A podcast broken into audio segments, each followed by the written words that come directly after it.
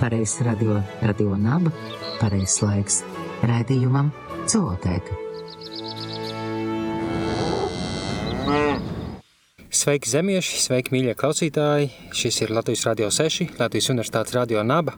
Mans vārds ir Sandrs Ādminis, un šis ir 2022. gada 5. marta raidījums Zootēka, kas veltīts dzīvnieku aizsardzībai. Raidījums par to, kā labāk saprast dzīvniekus, kā labāk saprast to, ko mēs ar viņiem darām un kā mēs varētu sadzīvot labāk, nodarot mazāk postu un ciešanas. Šoreiz raidījuma tēma ir dzīvnieki Ukrainā un dzīvnieki karu vēsturē. Ņemot vērā pēdējā laika notikumus, šī tēmas izvēle man šķita nu, diezgan pašsaprotama. Ņemot vērā, ka Krievijas iebrukums, karš Ukrainā turpinās jau vairāk nekā desmit dienas, pret to notiek protesti visā pasaulē, ir milzīgas ekonomiskās un kulturālās sankcijas pret Krieviju un tās iedzīvotājiem, lai izdarītu maksimālu spiedienu bez militārās iejaukšanās, un tā ir tāda pretrunīgi vērtāta pieeja, bet nu, ne par to šajā raidījumā. Tāpat jau miljons patvērumu meklētāji ir pametuši Ukrainu, un Eiropas Savienības eksperti prognozē, ka drīz tie būs jau 4 miljoni. Traģēdijas patiesie apmēri ir tikai nu, pamazām zinām, tie tikai pamazām atklājas, un lai gan uzmanības centrā ne bez iemesla ir humānā katastrofa, cilvēki, cilvēku likteņi, un tās šīs Katastrofas rezultātā daudziem cilvēkiem nācies pieņemt smagus lēmumus arī par savā aprūpē esošiem dzīvniekiem.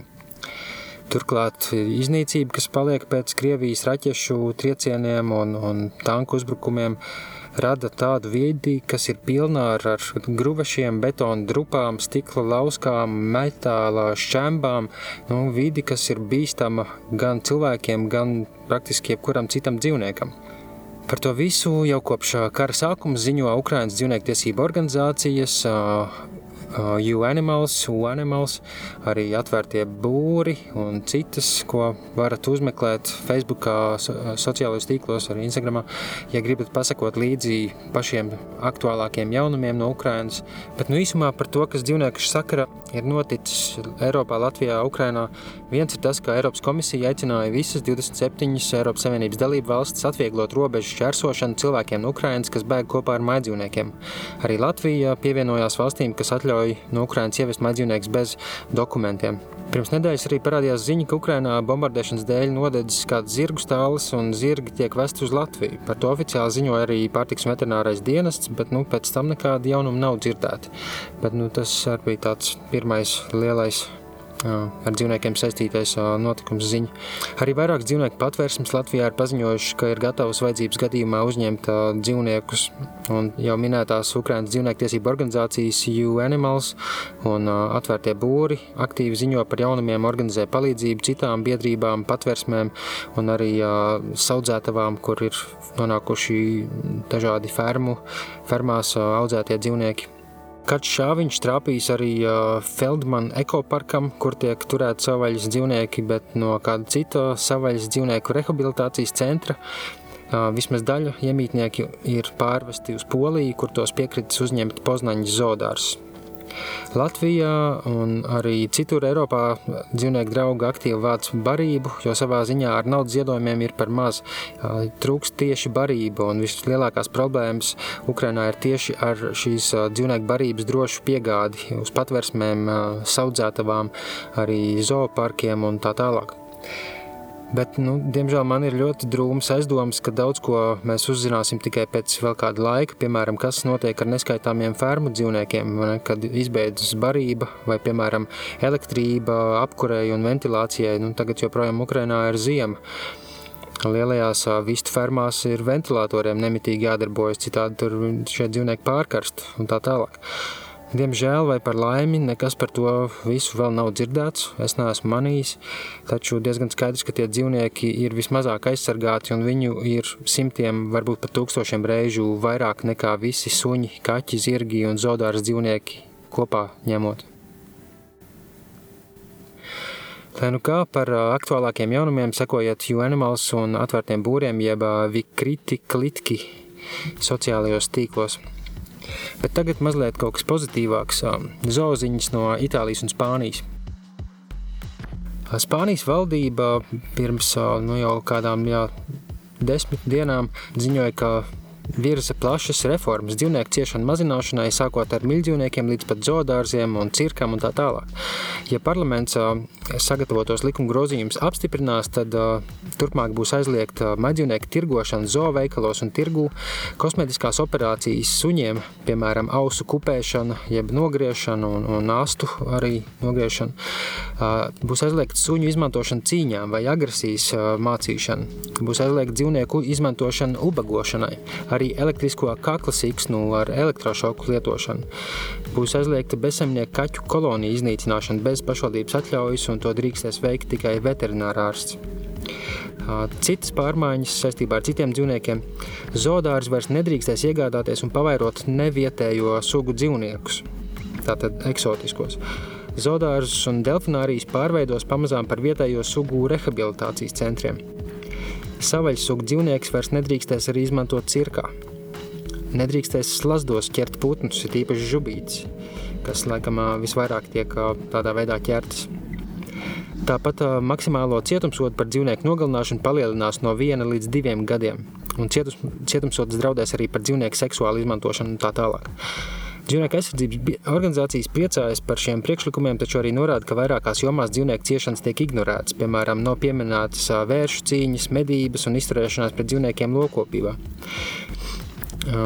Tāpat arī suņu atstāšana bez uzraudzības vairāk nekā 24 stundu garumā būs sodāma, taču dzīvniektiesība advokāte un organizācijas Observatorio de la Justicia y Defensa Animales vadītāja Nurija Menendez Dejano, Dejano uzskata, ka par šādu suņa pamešanu bez aprūpes vajadzētu piemērot arī cietumsodu. Jo tā ir milzīga problēma, kas skar apmēram 300 tūkstošu suņu Spānijā katru gadu. Tā sauktos medību suņus galgo. Jo uz viņiem šis ierobežojums pašlaik neskapēc neatiecas, lai gan šos suņus bieži vien atstāja vienus pašus pat vairākas dienas. Nu, cerams, ka šie likuma uzlabojumi stāsies spēkā pat ja ar kādiem grozījumiem, un nu, tas iezīmē, es domāju, diezgan pamatīgas pārmaiņas vienā no lielākajām Eiropas Savienības valstīm. Pozitīva ziņa arī no, no Itālijas, kur dzīvnieku vidas aizsardzību iekļauj valsts konstitūcijā. Tas noticis gandrīz vienprātīgā parlamenta balsojumā. Un, pateicoties šai reformai, Itālija savā ziņā atzīst, ka dzīvniekiem tiešām ir tiesības, kas jāaizsargā. Līdz šim tas tā bija tikai četrās pasaules valstīs. Un, Pirms šī papildinājuma konstitūcijas 9. pants aizsargāja tikai dabiskās ainavas un nācijas vēsturisko māksliniecisko mantojumu, bet tagad tas ietver arī pienākumu aizsargāt vidi, biodaudzveidību, ekosistēmas un dzīvniekus nākotnes paudžu interešu vārdā.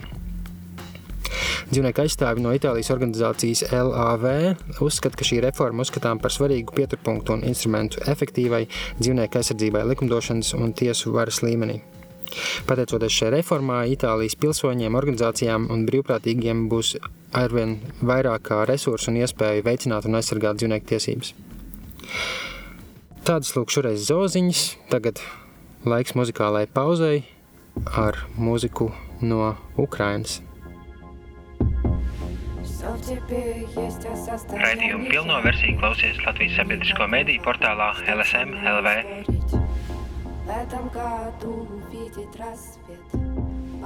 Jūs klausāties zootēku, un šoreiz stāsts par dzīvniekiem karā un militārajā industrijā.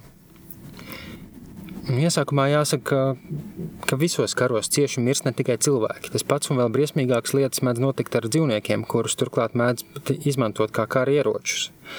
Armijas un to sētā iznīcība ir cēlonis milzīgi daudzumu dzīvnieku ciešanām nāvē ne tikai kara, bet arī miera laikos visā pasaulē. Dažkārt dzīvniekiem dara pāri, jo viņus izmanto kā militāros resursus, citkārt viņi cieši no ieročiem militāro sadursmi laikā, kardarbības laikā liels skaits dzīvnieku mirst eksploziju, ugunsgrēku, ķīmisko ieroču un citu ieroču dēļ.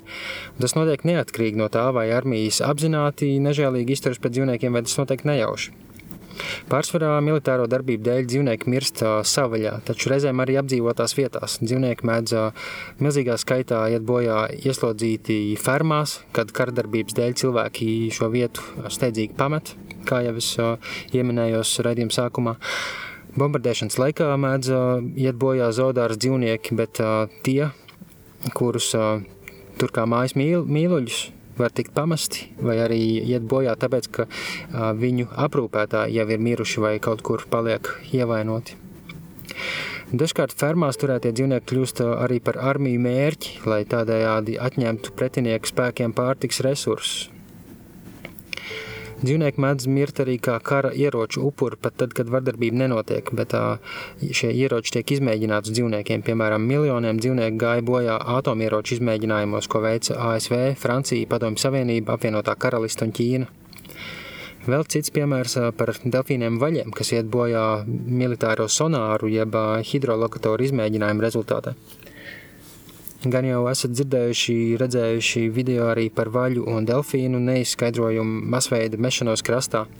Un mūsdienās aizvien ticamāks kļūst skaidrojums, ka tas notiek nereti tāpēc, ka šo ūdens dzīvnieku dabiskās hidrolokācijas un orientēšanās spējas sabojā zemūdens militārie izmēģinājumi ar, ar šām te, šīm te sonāru skaņām. Bet, nu, tagad uzskaitīšu piemērus par dzīvniekiem, ko iesaista militārijos procesos - suņus, zirgus, ziloņus, baložus, pat delfīnus, cūkas, kukaiņus, pat tajā skaitā un tā tālāk. Viņus visus vēsturiski un joprojām izmanto tāpēc, ka viņiem ir kādas tādas spējas, kas ir stipras pārākas par cilvēku fiziskajām spējām, un vēl nebija kādreiz vai joprojām nav aizstājams ar līdzvērtīgiem tehnoloģiskiem sasniegumiem. Jāsāk ar zirgiem, kas ir ļoti, ļoti garš stāsts par zirgiem militārajā jomā. Garš un detalizēts stāsts, kam pieskaršos tikai tā virspusīgi īsi. Nu, Spilgtākais, kas man nāk prātā, ir mongoļu karaspēks, kas 13. gadsimtā kara vadoņa Čingishana vadībā zirgu mugurā iekaroja milzīgu teritoriju Tā laika Mongolijas impērija, kas sniedzās no, būtībā no Japānas līdz pat Latvijas teritorijai, tagadējai bija lielākā impērija pasaules vēsturē, un lielā mērā viņi to iekaroja tieši, tieši sēžot zirgu mugurā ar bruņoti ar lokiem, bultām, zobeniem un spējot pārvietoties milzīgā ātrumā. Ar metāla bruņām aprīkots zirgs, kas bija apmācīts kost un spērt pēc komandas, kopā ar bruņinieku, sēžot tās eglos, jau bija nu, savā ziņā uztverams kā tāds seno laiku bruņmašīnas līdzinieks. Un pats par sevi jau cilvēks uz zirga uh, bija biedējošs skats daudziem cilvēkiem, kas agrāk zirgus nebija redzējuši. Piemēram, uh, tā, tādi stāsti nāk no, no laikiem, kad Eiropieši uzsāka Amerikas iekarošanu. Un zirgs, jā, viennozīmīgi visplašāk militāriem nolūkiem izmantotais dzīvnieks, par ko varētu izveidot vairākus pat atsevišķus raidījumus. Suņi. Pirmajā pasaules karā Vācijā esot bijusi 60 tūkstoši suņu liela armija, un visi viņi izgāja īpaši militārās apmācības ar šķērsļu joslām un pat tādas kā ugunskristības, kur viņu ēšanas laikā netālu tika spridzināts granātas. Tie suņi, kas aizbēga, tika būtībā nepieņemti, militārajā dienestā, bet tie, kas palika, tos paņēma. Un šo te vācu armijas suņu uzdevums bija nest ziņas, nu, kā, kā kurjeriem, vai arī nest pasta baložus pie ielenktiem vai izolētiem kareiviem. Tāpat arī novilkt telefonu vadu līnijas no komandu punkta līdz frontes priekšējām līnijām, lai varētu sazināties, kā arī vest munīciju un ieročus, pat ložmetējus, tādos kā ratos. Šo, šo uzdevumu galvenokārt uzdeva tā sauktiem piena ratu suņiem, ko Beļģijā un Nīderlandē vēl 20. gadsimta sākumā izmantoja kā tādus mazus uh, zirdziņus, lai viņi vilktu ratus, kas piekraut ar pienu vai maizi un citiem produktiem. Uh, Anglijā šāda prakse kā nehumāna bija aizliegta jau 19. gadsimta vidū. Itālijā Pirmā pasaules kara laikā suņus izmantoja pārtikas nešanai augšup kalnos, un daudzās valstīs pret armijas suņiem uh, izturējās savā ziņā līdzīgi kā pret cilvēkiem. Gan apbalvoja, par drosmi, gan ar necieņu izraidīja par gļēvulību un pat arī sodīja ar nāvi par gļēvulību.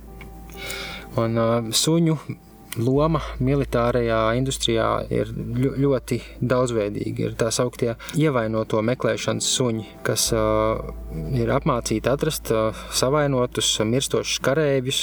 Uh, viņiem piestiprināts pirmās palīdzības aprīkojums, lai kareivji var sevi apsaitēt vai, vai, vai, vai kādus pretsāpju līdzekļus uh, uh, uzņemt. Tāpat arī tāda kā psiholoģiskā atbalsta suņi, ja angliski viņi sauc par tranšēju suņiem. Nu, lai gan kopumā vairums kara suņi bija ar salīdzinoši aktīvām funkcijām, Šie suņi nodrošinātu psiholoģisku atvieglojumu karavīriem, kas bija iesprostoti frontes līnijas tranšajās. Nu, būtībā kā tāds uh, izklaides suns, lai padarītu kara šausmas mazliet ciešamākas. Un reizēm arī viņu uh, uzdevums bija, vai arī tas, ko viņi darīja, bija sniedza emocionālu mierinājumu karavīru, mirstošu karavīru pēdējos dzīves brīžos ar savu klātbūtni vien. Protams, sargsuņi, kas apmācīti darbam ar vienu konkrētu sargu, patruļas, jeb apgaitas laikā, um, Šie suņi bija apmācīti dot signālu riešanas vai rūkšanas uh, veidā, ja tuvumā sajūt kādu nepazīstamu vai nevēlamu personu. Uh, cita kategorija izlūksuņi darbam ar kainieku kareiviem, un šie suņi spēja pamanīt cilvēkus pat uh, nu, vairāk simt metru attālumā un par to ziņot klusībā it kā norādot ar asti. Par šo gadu es neizpētīju, tas mazliet tā dīvaini, bet kaut kā klusībā, klusi viņi spēja norādīt, ka kāds tur tālumā ir. Suņi arī kā ziņneši, kā jau iepriekš minēju, nu, tik uzticami, varbūt pat vēl uzticamāki nekā kareivi, bet vēl veiklāki un, un mazāk uzkrītoši pretinieku šāvieniem.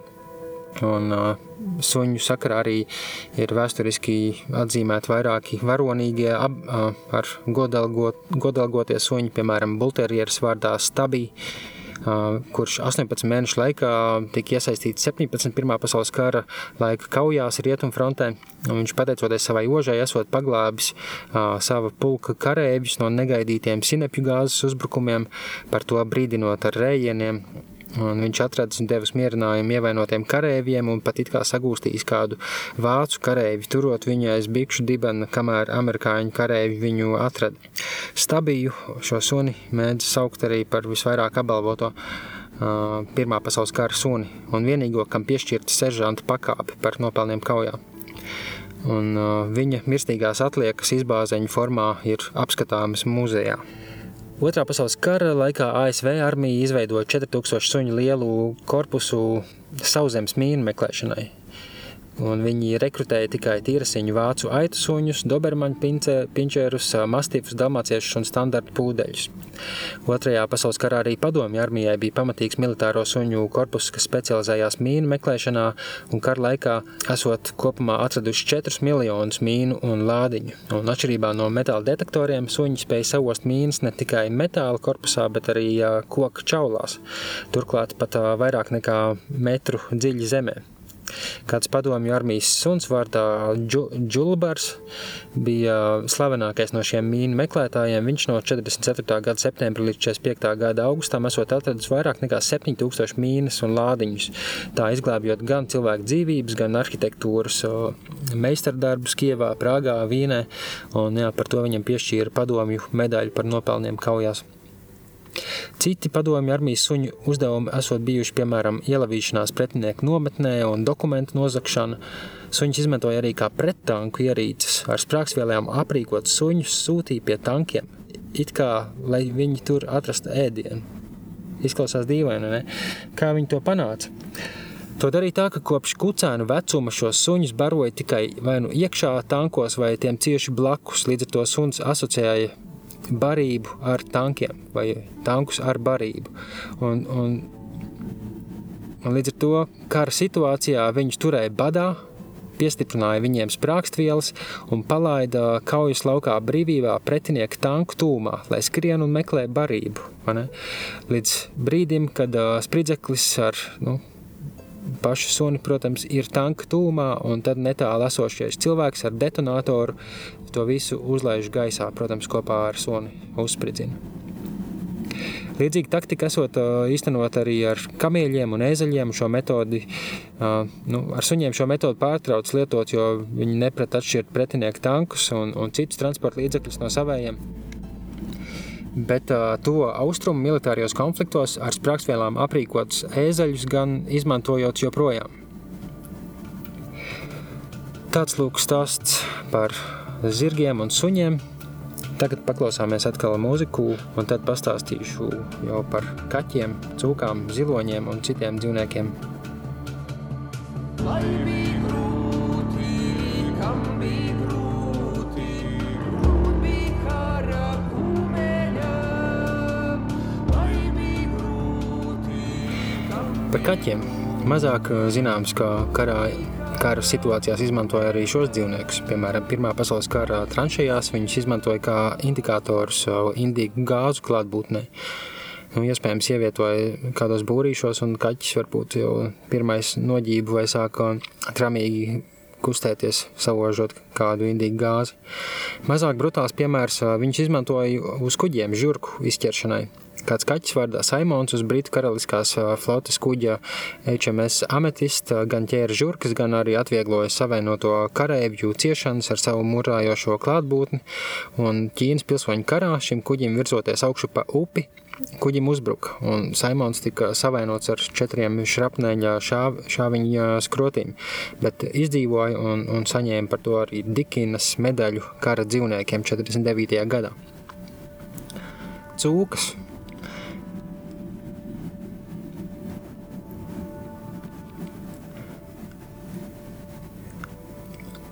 cūkas.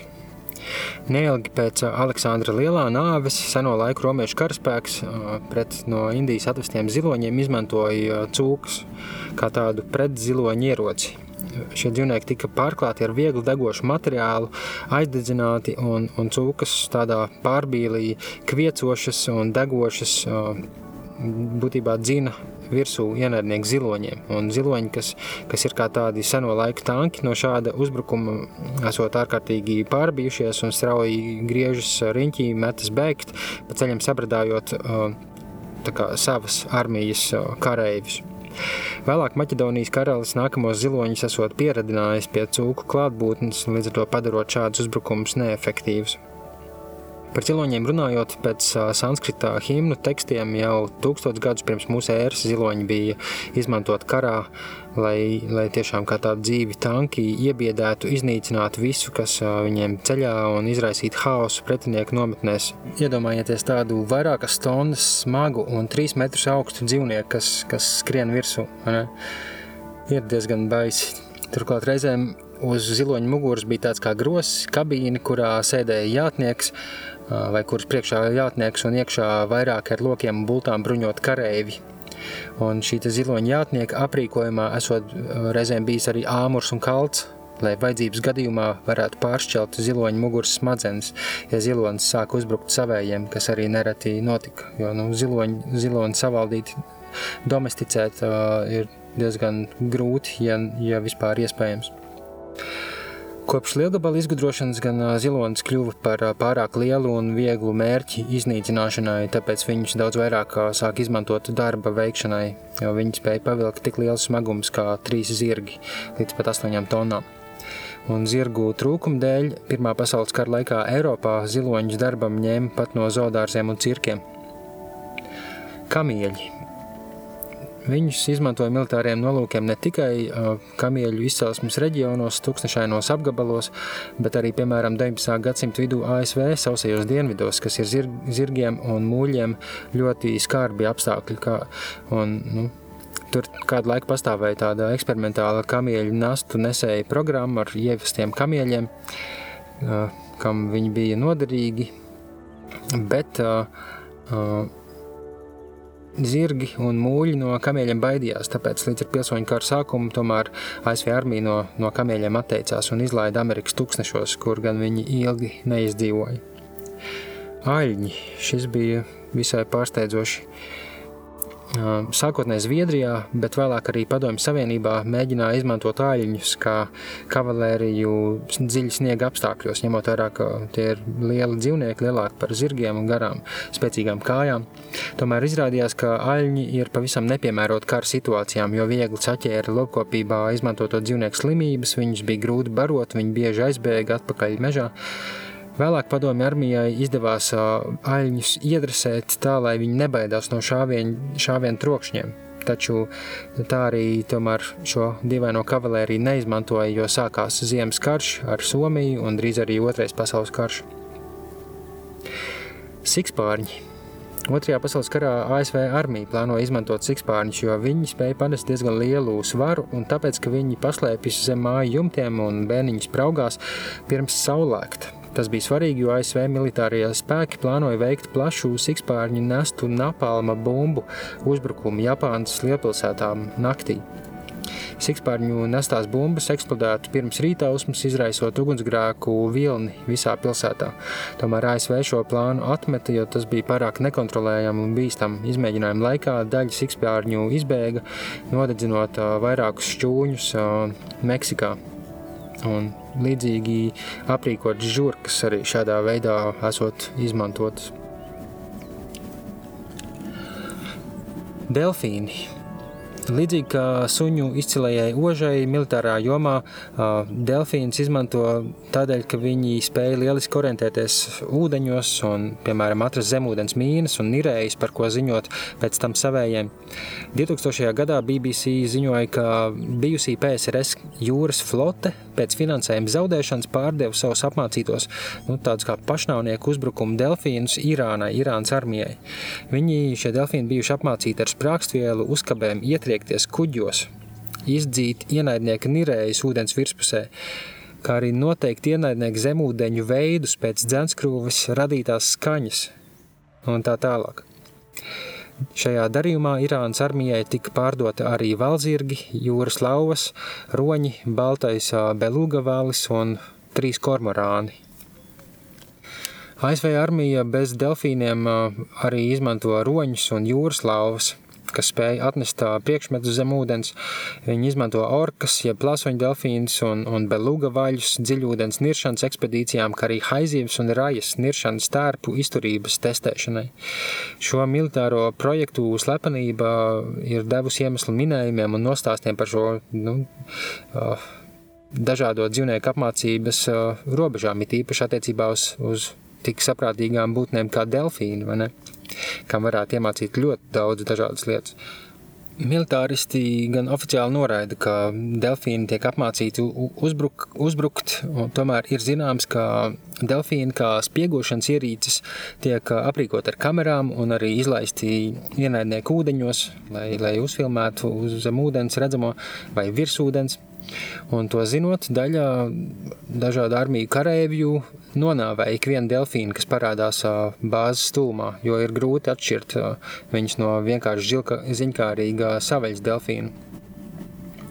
Delfīni esot arī izmantot pretinieka ūdenslīdē nogalināšanai.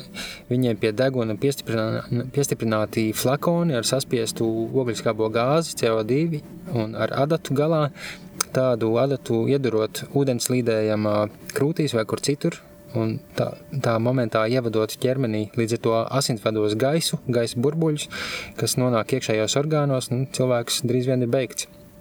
Varbūt arī manījāt ziņu, ka, ka nesen Norvēģijas piekrastē ir parādījies ļoti draudzīgs, kas tas skaitījās, nu, tā kā liels delfīns, kas laikam drīzāk saucās kāds valis, un iesaukts par Hvaldimiru, un, un viņam bija tā, tādi iemauktiņi plecos ar, ar uzrakstu Sanktpēterburgas īpašums vai kaut kas tamlīdzīgs, un arī piestiprināts kaut kas līdzīgs GoPro kameras turētājiem. Tā kā tā paša pati kamera nebija redzama, bet, nu, Delfīns, šis dzīvnieks bija aprīkots ar kaut ko tādu, kas ļoti izskatās pēc spiegošanas aprīkojuma.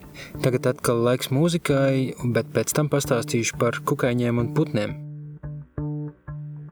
Raidījumu pilno versiju klausies Latvijas sabiedrisko mediju portālā LSM LV. Šis ir raidījums Zootēka, šoreiz veltīts dzīvniekiem, ko izmanto karā un militārajā industrijā. Kukaiņi Francijas armija jau pēc Pirmā pasaules kara esot apsvērs domu ievest no ASV Kolorādo vaboles, lai tās izlaistu Vācijā, kartupeļu laukos, tā iedragājot valsts pārtiks resursus, bet tomēr nolēma neriskēt, saprotot, ka tas varētu arī galu galā atspēlēties pašai Francijai. Bet Kolorādo vaboles, kas ir labi pazīstams, diemžēl arī Latvijas iedzīvotājiem, nu, nebūtu nebija pirmais kukainis, kas ir aps, apsvērts izmantošanai šādos militāros nolūkos. bites vairāku pilsētu aplenkumu laikā jau vismaz kopš senās Romas laikiem bites izmantoja, nu, droši vien sākumā apdulinot ar dūmiem, ieliekot maisā un pēc tam izlaižot viņus pretinieka pazemes tuneļos, kur, kur pretinieks slēpās, vai pat katapultējot pretinieka teritorijā. Šāda metode tika izmantota arī krustakaros un pat vēl 18. gadsimtā aizstāvot Belgradu pret uh, otomāņu iebrukumu. Blusas 50. gados ASV testēja bombardēšanu ar blusu bumbām. Katrā tādā bumbā varēja ietilpt pat 200 tūkstoši blusas, kas, kas varēja arī izdzīvot uh, bumbas triecienu pret zemi un ātri vien pārņemt visus tūmā esošos dzīvniekus vai cilvēkus. Nu, Tā tāda psiholoģiskā terora metode, bet, nu, cik es zinu, reāli karā pielietota tomēr nebija. Un uh, Japāna otrā pa pasaules kara laikā apsvēra uh, domu inficēt kukaiņus ar holēru un mēri, lai tos izlaistu pretinieku uh, nometnēs, bet, nu, cik saprotu, arī šī ideja par laimi netika īstenot apzinoties, ka tādus kukaiņus un viņu lidošanas virzienu būs neiespējami kontrolēt. Līdz ar to dabūs ciet, ciest arī paši. Putni. Trenēti papagaļi Pirmā pasaules, ka, Pirmā pasaules kara laikā tika izvietoti uz Eifeļa torņa, lai brīdinātu par ienaidnieku lidmašīnu tuvošanos. Bet nu, viņi tomēr tās ne, nespēja atšķirt no savējo lidmašīnām, līdz ar to tas viss beidzās ar tādu signalizēšanas haosu daudz garāks un, un veiksmīgāks, nu vismaz militārā nozīmē veiksmīgāks ir stāsts par baložiem. Pasta baloži iespējams ir visvairāk slavētie kara dzīvnieki, varbūt tāpēc, ka viņi atšķirībā no zirgiem un suņiem un citiem daudz vairāk, daudz lielākā mērā varēja būt pats, patstāvīgi, darboties bez cilvēka klātbūtnes vai ne lidojuma laikā. Un tāpēc viņus varbūt arī uztvēra kā individu, individuālākus, patstāvīgākus kara dalībniekus. Baloži spēja atgriezties savā sākotnējā mājvietā no ļoti liela attāluma, un tas viņus padara par izcīlīgi noderīgiem ziņnešiem, ko plaši izmantoja abos pasaules karos. Piemēram, 1918. gada nu, Pirmā pasaules kara Argonas kaujas laikā pazudušais ASV armijas 77. kājnieku divīzijas bataljons bija vācu karaspēkā izolēts un ielenkts. Pēc palīdzības sūtītie uh, ASV kareivji, uh, ziņneši tika skrējienā uh, nogalināti, Vācu armija viņus uh, nošāva vai sagūstīja. Pirmos divus sūtītos pasta baložus ar pie viņu kājas piestiprinātiem vēstījumiem arī vācieši notrieca un nošāva. Bet trešais balods vārdā Šer Amī, jeb uh, dārgais draugs, arī tika šāvienu notriekts, bet viņam izdevās atkal pacelties spārnos un galu galā atgriezties 40 km tālu esošajā divīzijas bāzē 25 minūšu laikā. Un tieši pateicoties šī trešā baloža nestajai ziņai, 194 no pazudušā bataljona kareiviem tika izglābti. Šeramī balodis ziņu nogādāja galā par spīti tam, ka bija sašauts krūtīs ar vienu neredzīgu aci un kāju, kas karājās tikai vienā cīpslā. Šis putns kļuva par 77. divīzijas varoni. Armijas ārsti strādāja, lai glābtu viņa dzīvību, un pēc uh, Šeramī atlapšanas jau ar vienu kāju esošais putns kuģī tika nogādāts ASV, tomēr drīz vien ievainojuma dēļ mira, un viņa ķermeņa izbāzēnis esot apskatāms muzejā, līdzīgi kā iepriekš minētais suns. Taču par šo nopelnu un kopumā 12 svarīgu ziņu nogādāšanu viņu apbalvoja ar kara krusta militāro ordeni. Vēl simts gadus vēlāk, 2019. gadā, viņš kļuva par vienu no pirmajiem dzīvniekiem, kam piešķīra medaļu par drosmi dzīvniekiem karā un mierā. Diez vai gan dzīvniekiem pašiem šādu medaļu piešķiršanu sniedz tādu gandarījumu un piepildījumu, kādu par to izjūt cilvēki, kas bijuši karā aiz brīva vai netik brīva prāta, vai ne? Nu, otrajā pasaules karā kopumā 200 tūkstoši baložu tika izmantot, un 32 no viņiem tika piešķirta Dikinas medaļa, ko piešķir dzīvniekiem. Tāpat vēl viens slavens balodis bija Gustavs, kas pirmais ziņoja par D dienu, jeb sabiedroto desanta izsēšanos Normandijā 44. gada vasarā, kas būtībā iezīmēja nacistiskās Vācijas okupēto teritoriju atgūšanu. Savukārt mūsdienās armijā mēdz izmantot ērgļus, lai neutralizētu ienaidnieku spiegu dronus. Un noteikti ir vēl visdažādākie piemēri, kurus es varbūt vēl neatradu vai nolēmu neiekļaut. Bet kopumā par to visu domājot, nu, tas galvenais, manuprāt, ir tas, ka dzīvniekiem, dažādu sugu būtnēm ir dabiskas spējas, kas ievērojami pārspēj mūsējās.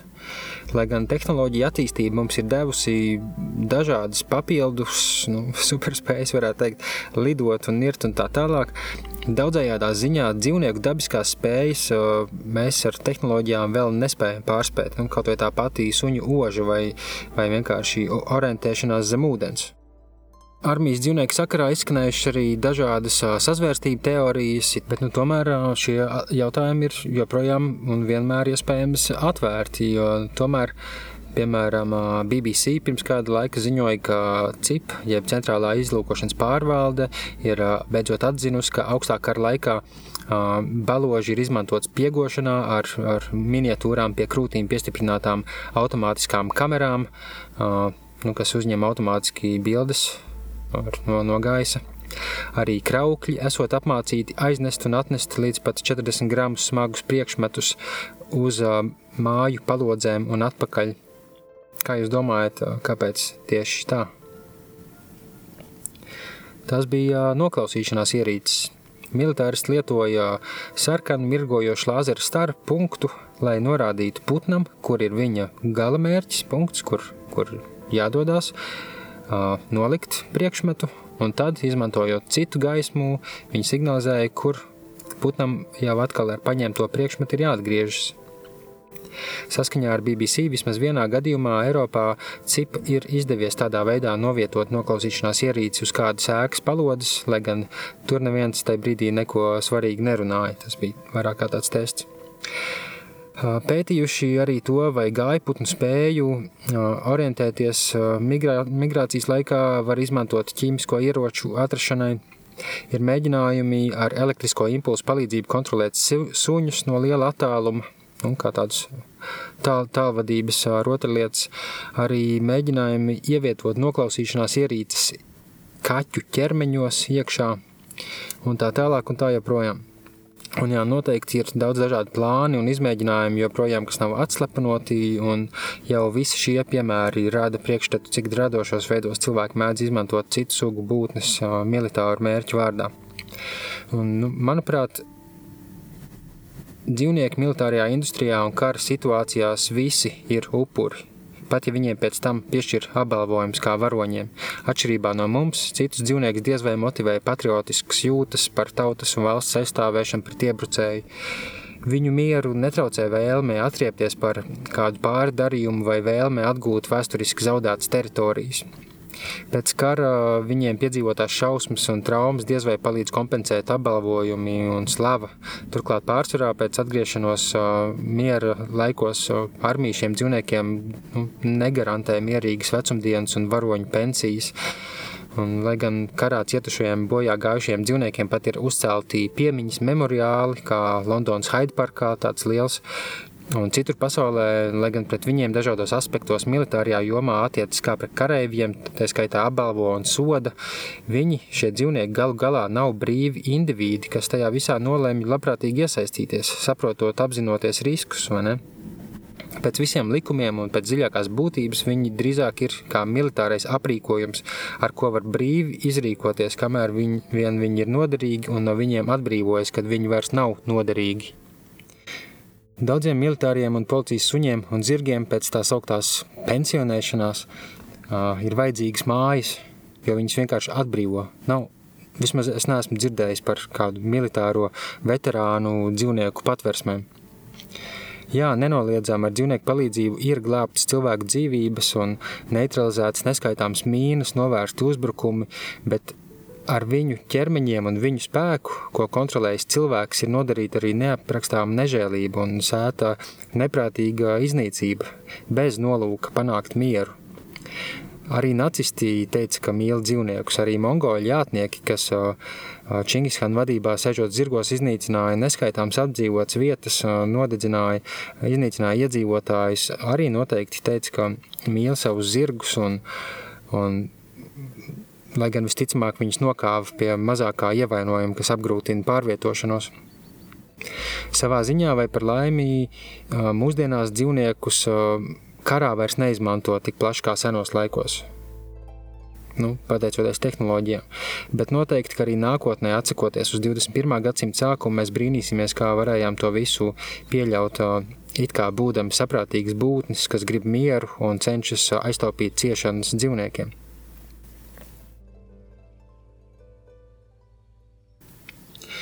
Tāds bija zooteiks pārskats par kara un militārajā industrijā izmantotiem dzīvniekiem, kas nu, man bija diezgan neticami daudz no šiem piemēriem, nu, vai vismaz pārsteidzoši.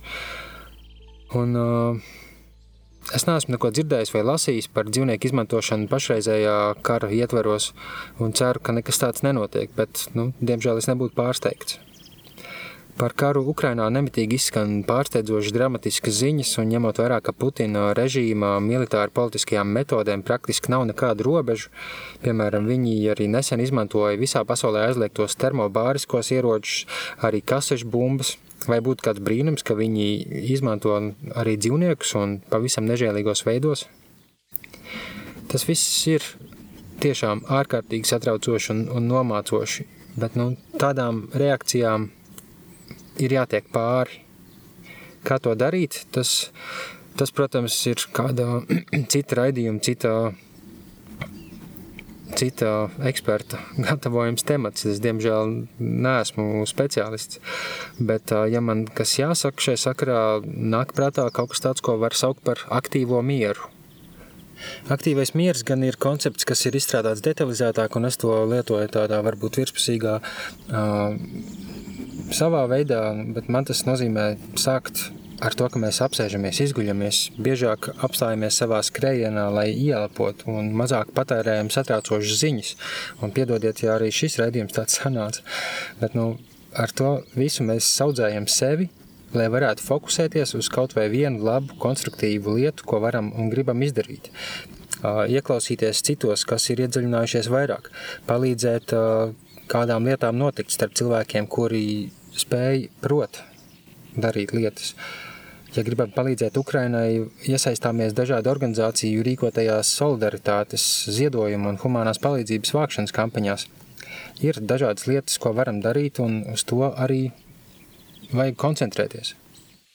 Varbūt jā, tas izklausās vienkāršāk nekā reāli ir. To es tīri labi saprotu, bet tas man šķiet tāds mana formula vai tāda pamatdoma, kas man palīdz virzīties uz priekšu.